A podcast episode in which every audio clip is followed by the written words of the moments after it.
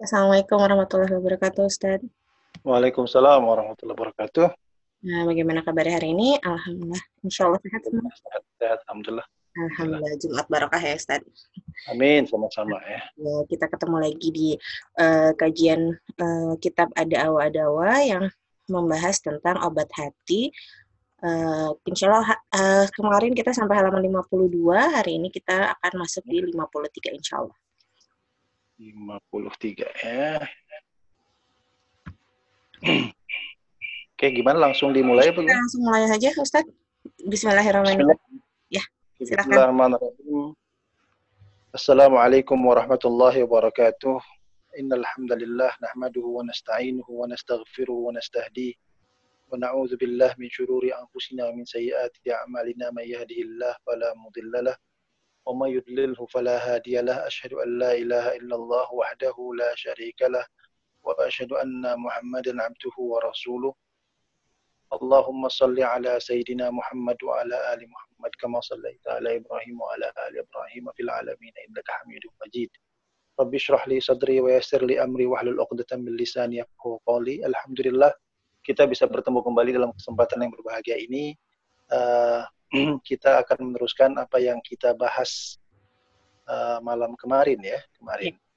Ya. Jadi uh, ya kita masih membahas tentang uh, apa namanya bagaimana orang-orang yang tertipu dengan amalan-amalan ya dengan tertipu dengan apa dengan asbab. Ya. Nah, sebagaimana kita ketahui ada dua hal yang Imam Ibnu Qayyim jauziyah yang ingin kita kita ingat. Yang pertama adalah Imam Ibn Qayyim al-Jauziyah ingin kita mengetahui detail daripada asbab-asbab atau sebab-sebab atau amalan-amalan uh, yang bisa menyelamatkan kita dari dari dari apa dari dari neraka dan bisa menyampaikan kita ke surga atau amalan-amalan yang memberikan kita kebaikan di dunia ataupun di akhirat. Yang pertama. Yang kedua, Imam Ibn Qayyim al-Jauziyah ingin mengingatkan kita bahwasannya kita jangan sampai terlena, jangan sampai kita tertipu oleh amalan-amalan tersebut. Ya, beberapa amalan jangan sampai membuat kita tertipu atau beberapa sebab ya beberapa sebab jangan sampai membuat kita uh, tertipu. Uh, jadi kalau minggu lalu kita uh, apa malam malam malam kemarin ya kemarin malam ya, kita bahas tentang bagaimana uh, sebagian manusia sebagian orang uh, tertipu atau apa terlena ya kita katakan terlena kalau Imam Qayyim al-Jauziyah menggunakan bahasa yang sangat keras yaitu tertipu. Bahkan uh, kemarin juga kita bahas bahwa berkali-kali nanti juga kita akan akan temui lagi bagaimana Imam Qayyim al-Jauziyah menggunakan kata jahal atau juhal atau jahil yaitu kata bodoh, kebodohan, orang bodoh dan orang-orang bodoh. Banyak sekali nanti akan kita temukan di di pembahasan pada saat ini. Nah, hmm. kenapa? Karena Imam Qayyim al-Jauziyah ingin mengingatkan kita bahwa saya ini tuh hal ini tuh seharusnya kalau seandainya Anda berpikir bahwa Anda berakal, ya, kalau kita berpikir bahwa kita berakal, hal ini harus kita jauhkan. Jadi jangan jangan sampai jangan sampai kita melakukan sesuatu yang sesungguhnya dengan akal sehat yang sangat-sangat dasar dengan common sense kalau bahasa orang sekarang mm-hmm. itu itu itu bisa dihindarkan gitu loh. Nah, untuk itulah Imam Ibnu Qayyim Ibnu Qayyim Jauziyah seakan-akan beliau ini kesel gitu ke kita.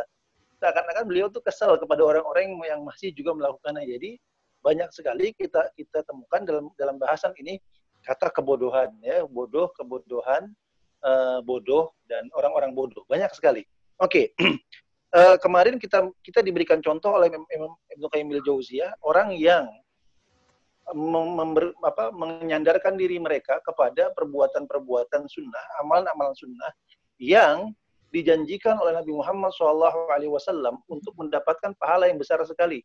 Mendapatkan pengampunan dosa. Contohnya saum Ashura, ya, yeah. saum pada hari Ashura dan saum pada uh, pada Ashura ini yang dikasih contoh dan saum Arafah tentunya. Yeah. Ya. Jadi banyak orang, beberapa orang yang dilabelkan bodoh oleh, uh, oleh, oleh Imam Ibn Qayyim al-Jauziyah, mereka beranggapan bahwa ini puasa puasa Ashura ini atau puasa-puasa sunnah ini ya, puasa-puasa sunnah ini ini bisa menjaga saya dari disiksa oleh Allah Subhanahu wa taala, tetapi pada waktu yang bersamaan mereka meninggalkan amalan-amalan wajib. Dan pada waktu bersamaan mereka menjalankan amalan-amalan yang diharamkan oleh Allah Subhanahu wa taala. Hmm. Ini kalau kalau kalau bahasa beberapa ulama ini dikatakan sebagaimana orang yang apa? Orang yang membina atau membangun satu bangunan dengan menghancurkan satu kota. Dan sedih sekarang banyak broadcast tentang itu ya Ustadz ya? Oh, banyak sekali. Jadi kamam, kalau, kalau, kalau, kalau istilah orang-orang terdahulu dikatakan kamam bana kasran wa hadama misran. Sebagaimana orang-orang yang membangun istana, membangun bangunan, ya sambil menghancurkan kota.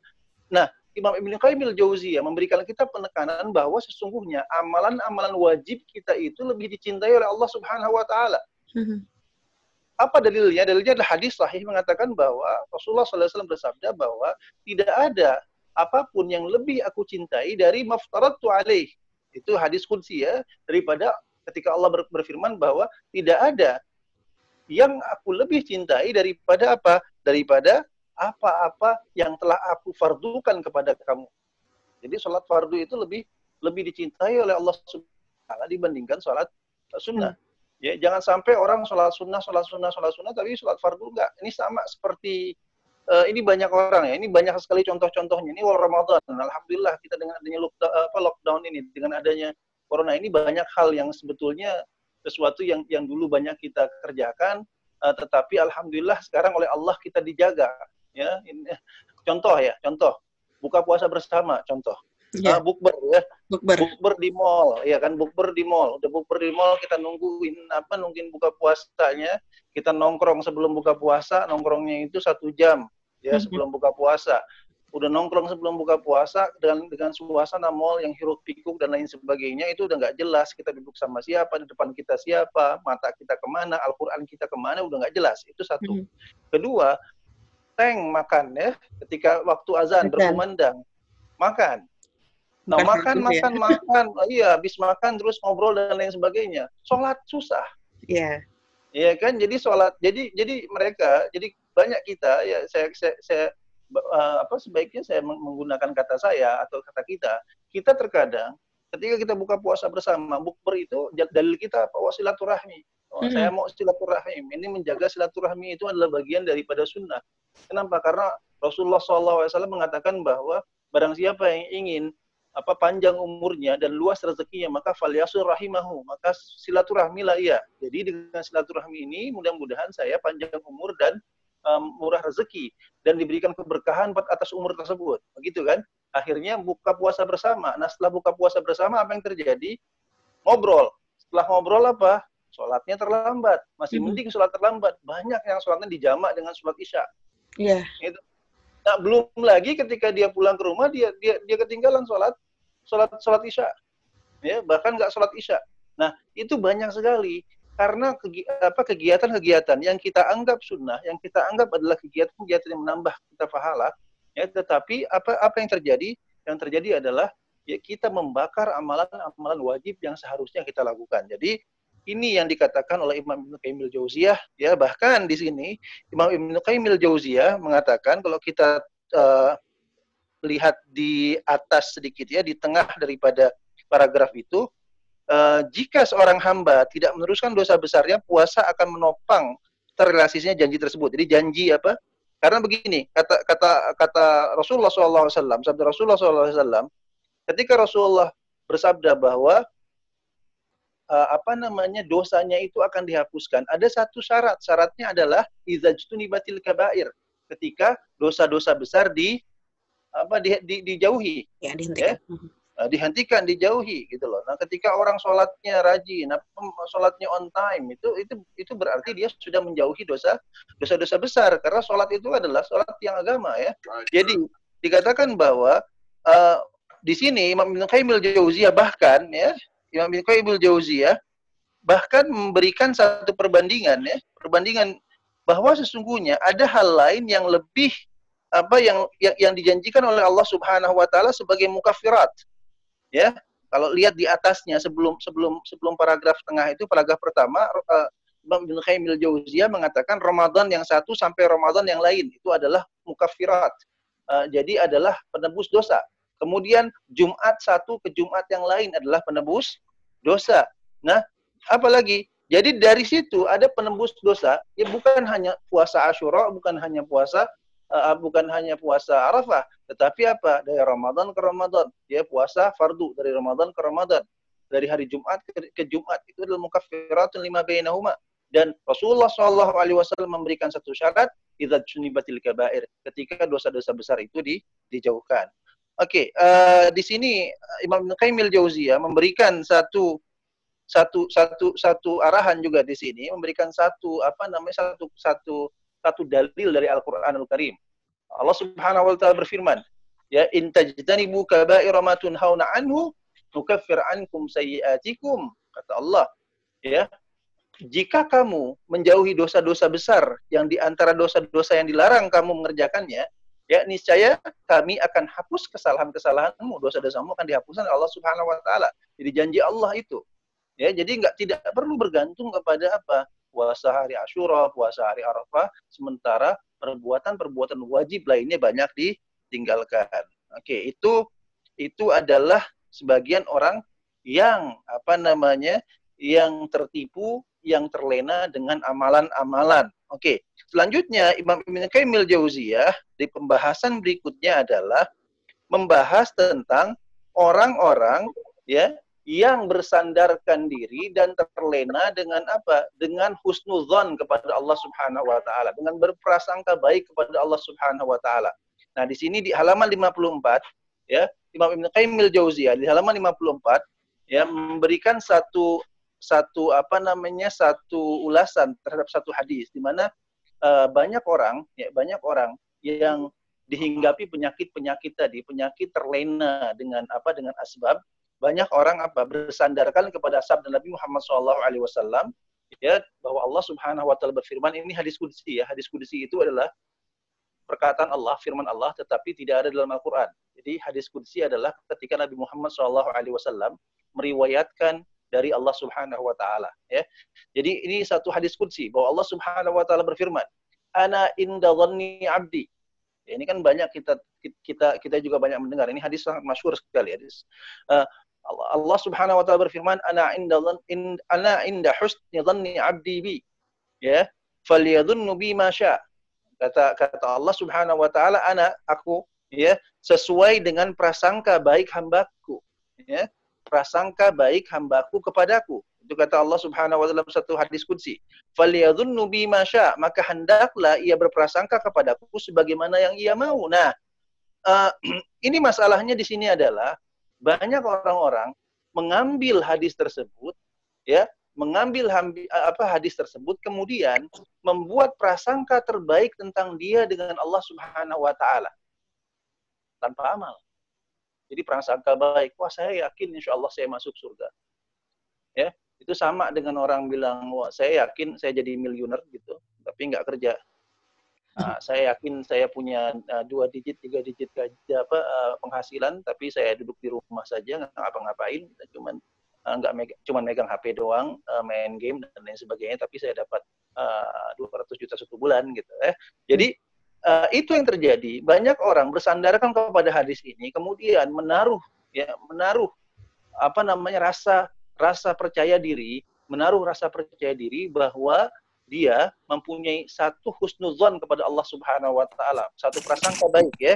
Ini ini ini uh, mungkin tidak sesuai apa uh, saya saya agak enggak kurang serak nggak tahu mungkin ada ahli bahasa di sini yang mendengar uh, ini persangkaan saya pikir bukan persangkaan tapi prasangka lebih enak ya persangkaan tuh uh, ini, ini terjemahannya ini ya bahasa bahasa kitanya husnuzon bahasa Islamnya husnuzon nah banyak orang yang terlalu bersikap husnudzon di tempat yang salah gitu. Ya, hmm. ini ini seperti saya katakan kemarin, ini kalimat hakin urida bihi batil. Jadi kalimat yang baik tetapi tidak ditempatkan pada tempat yang baik. Nah, Imam Ibnu Qayyim al-Jauziyah ya, berkata ini dalam dalam dalam paragraf selanjutnya, ya, tidak diragukan bahwa persangkaan atau prasangka yang baik berbarengan dengan perbuatan yang baik. Jadi orang yang berbuat kebaikan akan berbaik sangka kepada Rabbnya dan ia membalas perbuatan baiknya tersebut dan tidak mengingkari janjinya. Nah, ini ini kata Imam Ibnu Kamil Jauziyah ya serta akan menerima taubatnya.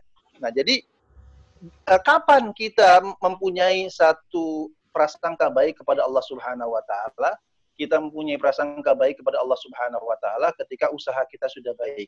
Ya, ketika ketika amalan kita sudah baik kepada Allah Subhanahu wa taala. Kita punya amal yang baik kepada Allah Subhanahu wa taala, ya. Kita sudah puasa uh, Senin Kemis misalnya. Oke, okay. uh, kita sudah okay, uh, mungkin kawan-kawan pernah merasakan uh, i'tikaf di Masjidil Haram misalnya ya uh, itu ada suasana yang yang yang yang sangat susah untuk digambarkan ketika orang selesai i'tikaf di Masjidil Haram di malam terakhir uh, Ramadan ya. Di mana energi positif itu besar sekali. Banyak orang ya menangis bahagia. Kenapa menangis bahagia? Karena mereka sudah berusaha tinggal ya ber, ber, bersusah payah bersusah payah untuk berdesak-desakan di antara berjuta-juta manusia di Masjidil Haram untuk mendapatkan 10 malam terakhir pada bulan Ramadan. Nah, ketika mereka selesai, apa yang terjadi? Mereka berbunga-bunga hatinya. Nah, yang berbunga-bunga hatinya itulah ya yang pantas untuk berhusnuzon kepada Allah Subhanahu wa taala. Kenapa? Karena sudah usaha. Contoh yang lain lagi, ketika kita sudah haji misalnya, kita haji uh, sudah tahalul akbar, ya sudah tahalul, sudah sudah jumrat, ya semuanya sudah selesai, proses haji kita sudah selesai.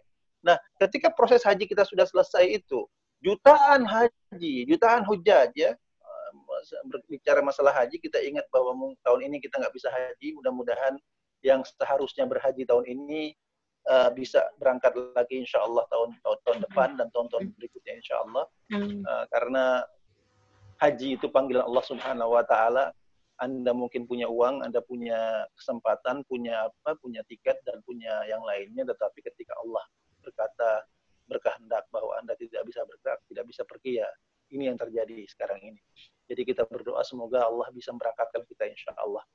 Uh, jadi begini, kalau kalau kita merasakan haji pada hari terakhir, baik itu nafar awal atau nafar tani, nafar awal itu adalah uh, apa namanya ketika orang mayoritas orang ya, mayoritas orang khususnya dari dari benua dari Asia Tenggara itu selesai untuk uh, apa hari terakhir hari terakhir di, di Mina. Itu ada energi positif. Di mana-mana energi positif, orang berpelukan satu sama lain. Ya, nggak kenal pun dia peluk-pelukan. Kenapa peluk-pelukan? Karena ada energi positif. Nah, energi positifnya dari mana? Dari perasaan mereka husnuzon kepada Allah Subhanahu wa taala. Husnuzon bahwa apa? Bahwa mereka ya sudah menjalankan ibadah haji dan berharap ya kepada Allah Subhanahu wa taala bahwa mereka akan menjadi haji yang mabrur ya dan husnuzon kepada Allah bahwa Allah menerima haji mereka. Nah, di situlah sifat husnuzon kita. Karena apa? Sudah usaha. Udah usaha baru husnuzon. Puasa ya, puasa pas maghrib. Ya.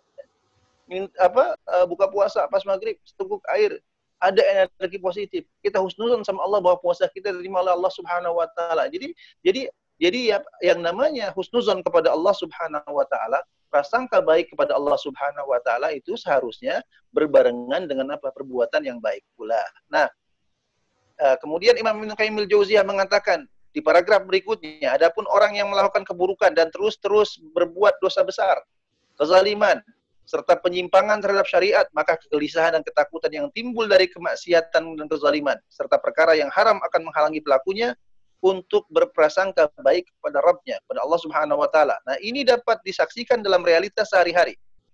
Ya. Uh, budak yang melarikan diri, kata Ibnu Qayyim al-Jauziyah, memiliki perilaku yang buruk dan tidak taat kepada majikannya. Tentu tidak akan berbaik sangka terhadap majikannya. Jadi ah, contoh saja lah. Sekarang kalau seandainya ya ini ini orang-orang yang bekerja profesional di kantor-kantor nih tahu lah. Kalau jam-jam makan siang itu itu kan biasanya ada grup per grup ya.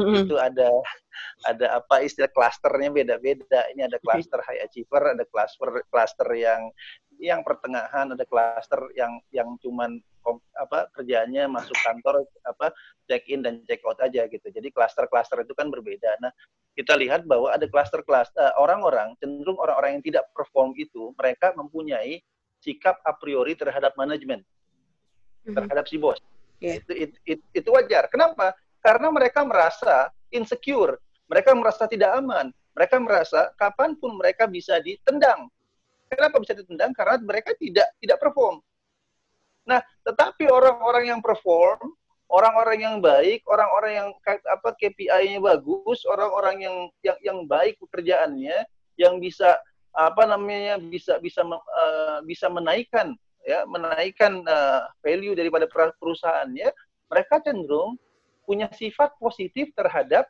apa terhadap majikannya terhadap bosnya terhadap direkturnya.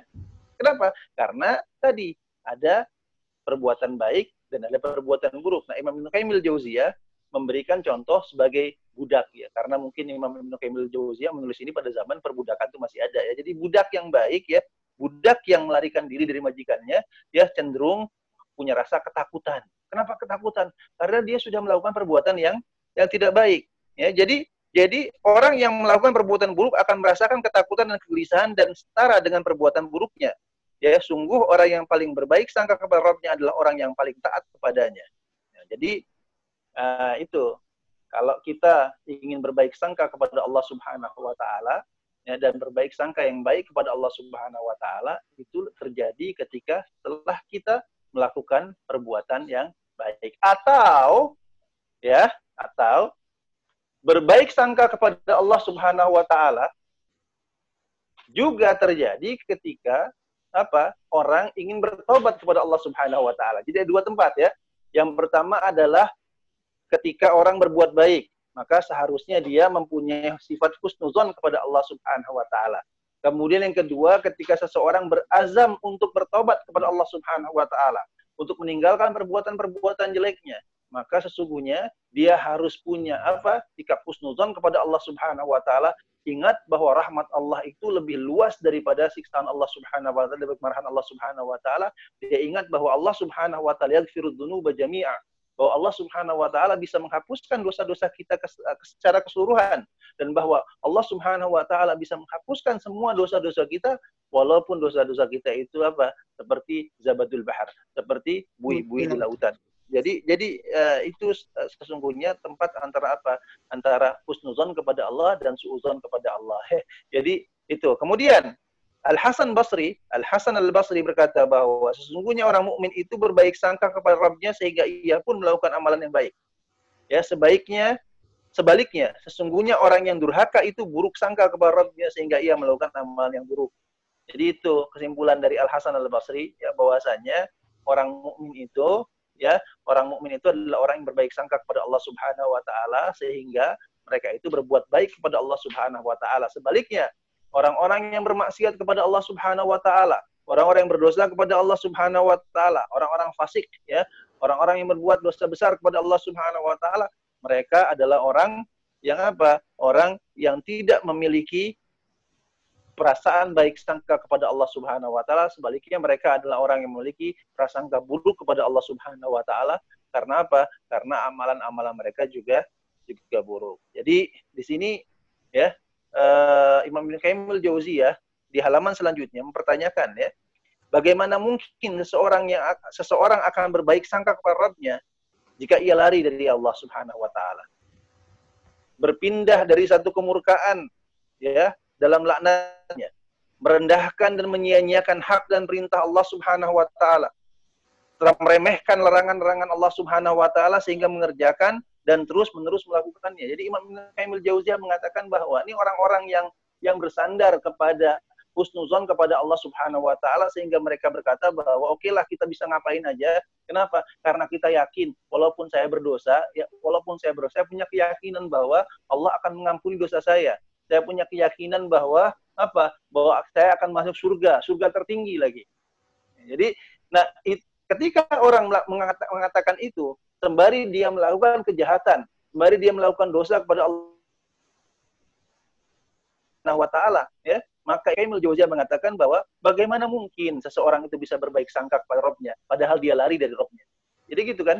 Nah kalau saya misalnya, ini ada orang habis mencuri, orang mencuri itu lari.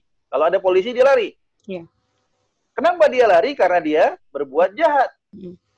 Nah, apakah si pencuri yang lari karena berbuat jahat ini dia punya prasangka baik terhadap polisi? Enggak. Tidak punya.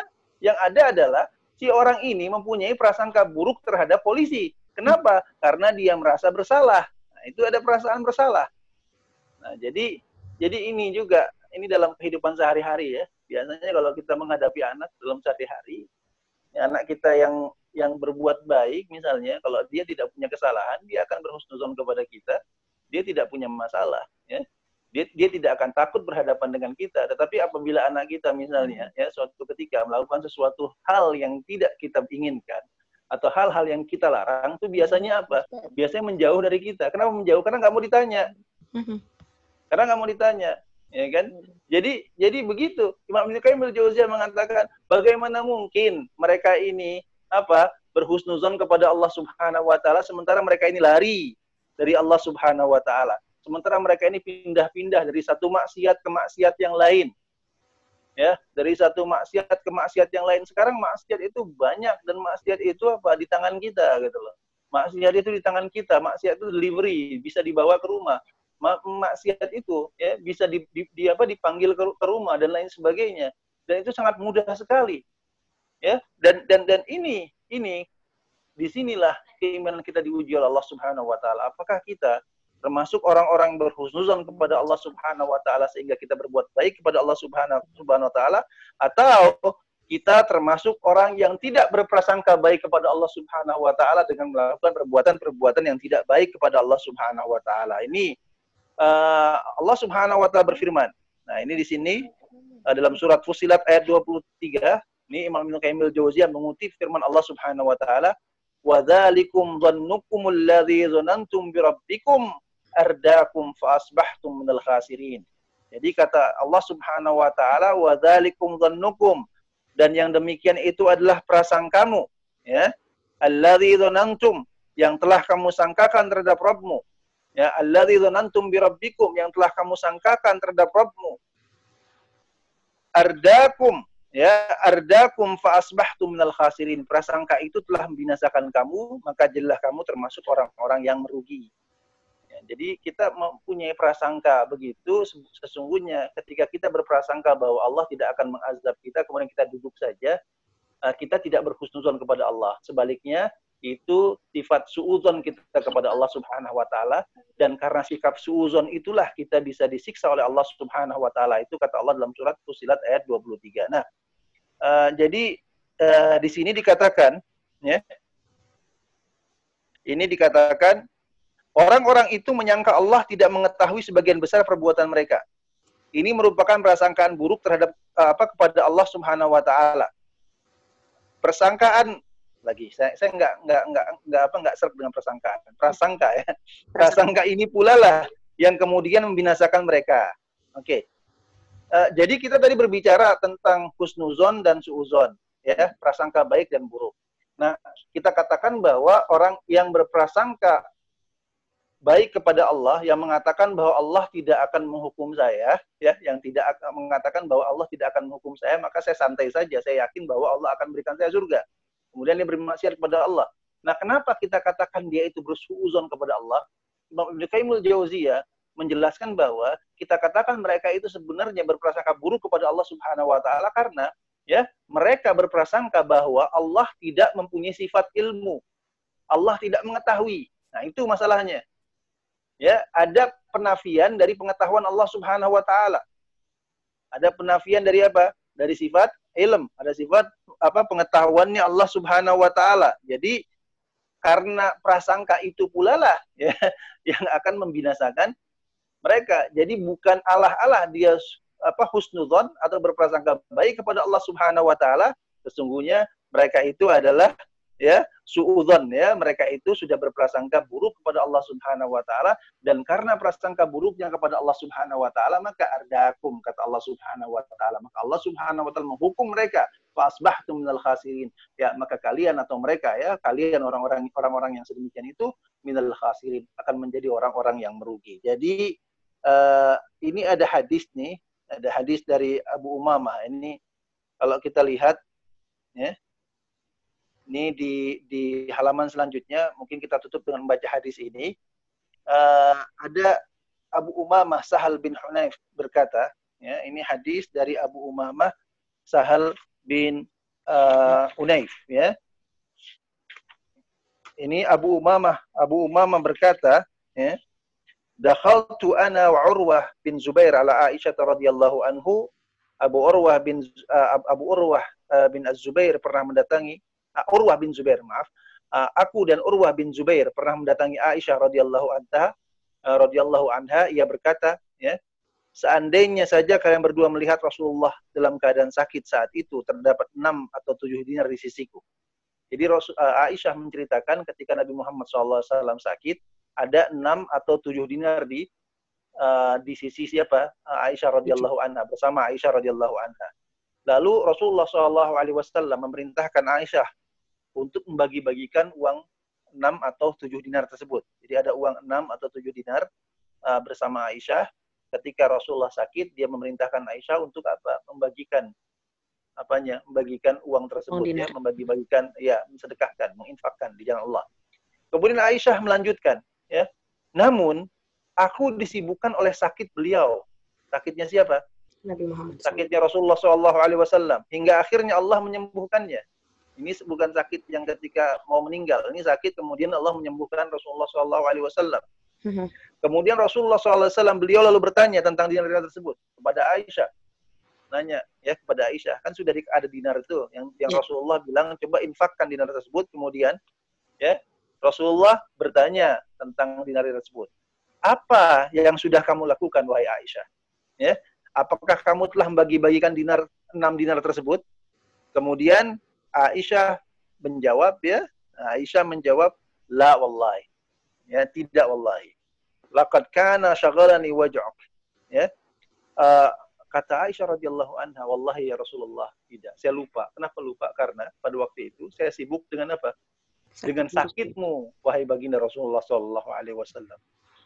Kemudian Rasulullah SAW memerintahkan aku ya kata Aisyah untuk mengambil dinar-dinar tersebut ya eh, dan kemudian apa beliau meletakkan dinar tadi di tangannya seraya berkata bagaimana prasangka Nabi Allah sekiranya ia bertemu dengannya sedangkan dinar-dinar ini masih di tangannya ya jadi sekelas Rasulullah Shallallahu Alaihi Wasallam saja ya dia tidak mengatakan bahwa ya tenang saja Allah sudah mempunyai hati yang baik, Allah sudah mempunyai husnuzon kepada kita, husnuzon saja kepada Allah Subhanahu wa taala. Ya enggak?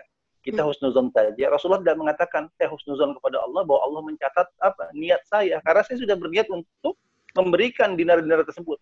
Kalau saya mati, kalau saya meninggal dan dinar-dinar tersebut ada di tangan saya, di tangan istri saya, Allah sudah mengetahui bahwasanya apa? bahwasanya dinar-dinar tersebut seharusnya dibagikan kepada kaum kaum kaum apa kaum fukara dan masakin tetapi karena istri saya sibuk berkhidmat kepadaku, kata Rasulullah ya, tetapi aku tidak apa uh, tidak memberikannya, maka Allah akan mengampuni. Tapi Rasulullah tidak berkata demikian. Rasulullah tidak berkata demikian, tapi sebaliknya Rasulullah berkata apa? Ma'adhannu Nabiullah. Ya, apa bagaimana persangka Nabi Allah sekiranya ia bertemu dengan dengan dengannya dan dan dinar ini ada di tangannya. Itu artinya apa? Artinya Rasulullah SAW mempertanyakan, ya, artinya ada sedikit ketakutan, ada banyak ketakutan di hati Rasulullah Wasallam. Seandainya apa? Seandainya beliau dipanggil Allah Subhanahu Wa Taala enam dan tujuh dinar itu masih di tangan siapa? Di tangan Aisyah radhiyallahu anha. Jadi kalau kita lihat di sini ya maka hadis ini jelas Rasulullah Shallallahu Alaihi Wasallam orang yang sudah dijamin masuk surga oleh Allah Subhanahu Wa Taala ya orang yang sudah dijamin bukan cuma dijamin tapi Rasulullah SAW punya syafaat syafaat yang bisa membagi-bagikan orang untuk masuk surga saja mempunyai perasaan bahwa apa bahwa tidak seberapa amal dia di hadapan Allah Subhanahu wa taala sehingga dia tidak layak untuk apa? Berhusnuzon bahwa Allah akan mengampuni akan membiarkan itu semua. Ya jadi di sini apa yang kita pelajari malam ini mari kita berhusnuzon kepada Allah Subhanahu wa taala yang dilandasi dengan usaha. Ya, kita husnuzon kepada Allah Subhanahu wa taala, kita husnuzon semoga Allah menjauhkan kita dari mara bahaya ya dengan cara menjauhi bahaya tersebut. Kita berhusnuzon kepada Allah Subhanahu wa taala bahwa Allah akan menyelamatkan kita dari api neraka dengan cara apa? Menjauh dari api neraka tersebut. Jadi Imam Ibnu Qayyim al-Jauziyah ya kita kita akan membaca menutup uh, malam ini dengan membaca satu alinea saja sedikit dari Ibnu Qayyim al-Jauziyah ketika mengomentari apa yang dilakukan Rasulullah SAW, Ibnu Qayyim berkata, demi Allah, bagaimanakah kiranya persangka para pelaku dosa besar dan orang-orang zalim pada Allah Subhanahu wa taala jika kelak bersua dengan Allah Subhanahu wa taala diiringi dengan kezaliman-kezaliman mereka terhadap sama hamba Allah Subhanahu wa taala. Ya. Jadi Ibnu Qayyim al-Jauziyah ya, mengomentari hadis tersebut mengatakan bahwa jika Rasulullah Shallallahu alaihi wasallam mempunyai prasangka yang negatif ya terhadap terhadap apa yang akan terjadi karena apa? Karena 6 dan 7 dinar. Nah, bagaimana dengan orang-orang yang biasa zalim? Bagaimana dengan orang-orang yang biasa korupsi miliaran? Bagaimana orang yang biasa memakan uang rakyat? Bagaimana orang yang biasa mencuri? Bagaimana orang yang biasa menzalimi? Bagaimana orang yang tangannya penuh dengan darah orang? Ya, bagaimana orang yang menghalangi rezeki orang? Ya, bagaimana perasaan mereka di hadapan Allah Subhanahu wa taala? Ketika Allah Subhanahu wa taala mengumpulkan makhluk-makhluknya di hari akhir nanti. Jadi mari kita tutup waktu sudah habis ya. ya. Mari kita sama-sama berdoa kepada Allah Subhanahu wa taala semoga Allah Subhanahu wa taala menjadikan kita hamba-hambanya yang yang mukmin, yang muhsin, hmm. uh, yang bertakwa kepada Allah Subhanahu wa taala. Hmm. Ya berdoa kepada Allah Subhanahu wa taala semoga Allah Subhanahu wa taala mengangkat ya penyakit-penyakit dari dari penyakit-penyakit yang zahir dan batin dari dari hati dan dari jiwa kaum muslimin dan muslimat. اللهم اغفر المسلمين والمسلمات والمؤمنين والمؤمنات الأحياء منه والأموات. إنك سميع قريب مجيب دعوات يا قاضي الحاجات. اللهم ارفع عنا الوباء والبلاء والزلازل والفتن من بلدنا هذا خاصة ومن سائر بلاد المسلمين. اللهم آت نفوسنا تقواها وزكها وأنت خير من زكاها. ربنا آتنا في الدنيا حسنة وفي الآخرة حسنة وقنا عذاب النار. Subhana rabbika rabbil azzati amma yasifun wa salamun ala mursalin walhamdulillahi rabbil alamin. Uh, alhamdulillah uh, saya sudah sudah sudah apa sudah mengumpulkan rekaman dari sesi-sesi berikut eh, sesi-sesi terdahulu. nah, ya sudah sudah alhamdulillah sudah diedit dan sudah dialih bentukan dari video ke audio sehingga lebih ramah kuota. Jadi sebetulnya saya sudah uh, sudah upload di YouTube, tapi ketika dilihat besar sekali itunya, apa besar sekali uh, datanya ya. Datanya besar sekali, kemudian ukurannya besar sekali. Saya berinisiatif untuk uh, apa namanya mengkonvert dia dari MP4 ke MP3 dan apa namanya memotong bagian-bagian yang tidak perlu seperti nunggu dari awal kan karena yeah, video itu ada serat, ada satu jam lebih padahal pengajiannya cuma 30 menit atau 40, 40 menit. menit betul. Insya Allah akan saya upload secepatnya mungkin kita upload dalam bukan kalaupun tidak dalam YouTube nanti akan kita uh, berikan linknya yang, yang yang bisa diakses oleh semua orang dan yang penting adalah dia uh, ramah data. Jadi begitu saja uh, mudah-mudahan Allah terima amal ibadah kita Hmm. Mohon maaf jika ada kesalahan. Ya, saya kembalikan kepada uh, Teh Nisa. Silahkan, Teh. Ya, Alhamdulillah. Jazakallah khairan kasiran Ustadz. Uh, semoga nanti rekamannya juga bisa uh, membantu teman uh, rekan-rekan pembelajar yang tidak bisa bergabung di saat uh, live supaya tetap bisa mendapatkan uh, pembelajaran yang utuh dari kitab ada awa adawa ini. Uh, Alhamdulillahirobbilalamin rekan-rekan pembelajar terima kasih atas uh, antusias dan keikutsertaannya hari ini. Semoga apa yang kita pelajari hari ini bisa memberikan uh, semangat lagi motivasi bagi kita untuk terus berhusnuzon kepada Allah, terus bisa berbuat kebaikan dan uh, mengurangi dosa-dosa uh, melakukan dosa-dosa besar uh, di kehidupan kita sehari-hari. Semoga Allah mudahkan semua uh, usaha kita. Uh, mohon maaf lahir dan batin. Terima kasih atas uh, partisipasinya hari ini. Insya Allah kita ketemu lagi hari Selasa, Ustadz. Sama di jam 19.30 ya? Ya, ya insya Allah. Uh, baik saya tutup uh, dengan doa kafaratul majlis subhanakallahumma bihamdika asyhadu alla ilaha illa anta astaghfiruka wa atubu ilaik. Uh, terima kasih semuanya. Assalamualaikum warahmatullahi wabarakatuh. Waalaikumsalam warahmatullahi wabarakatuh.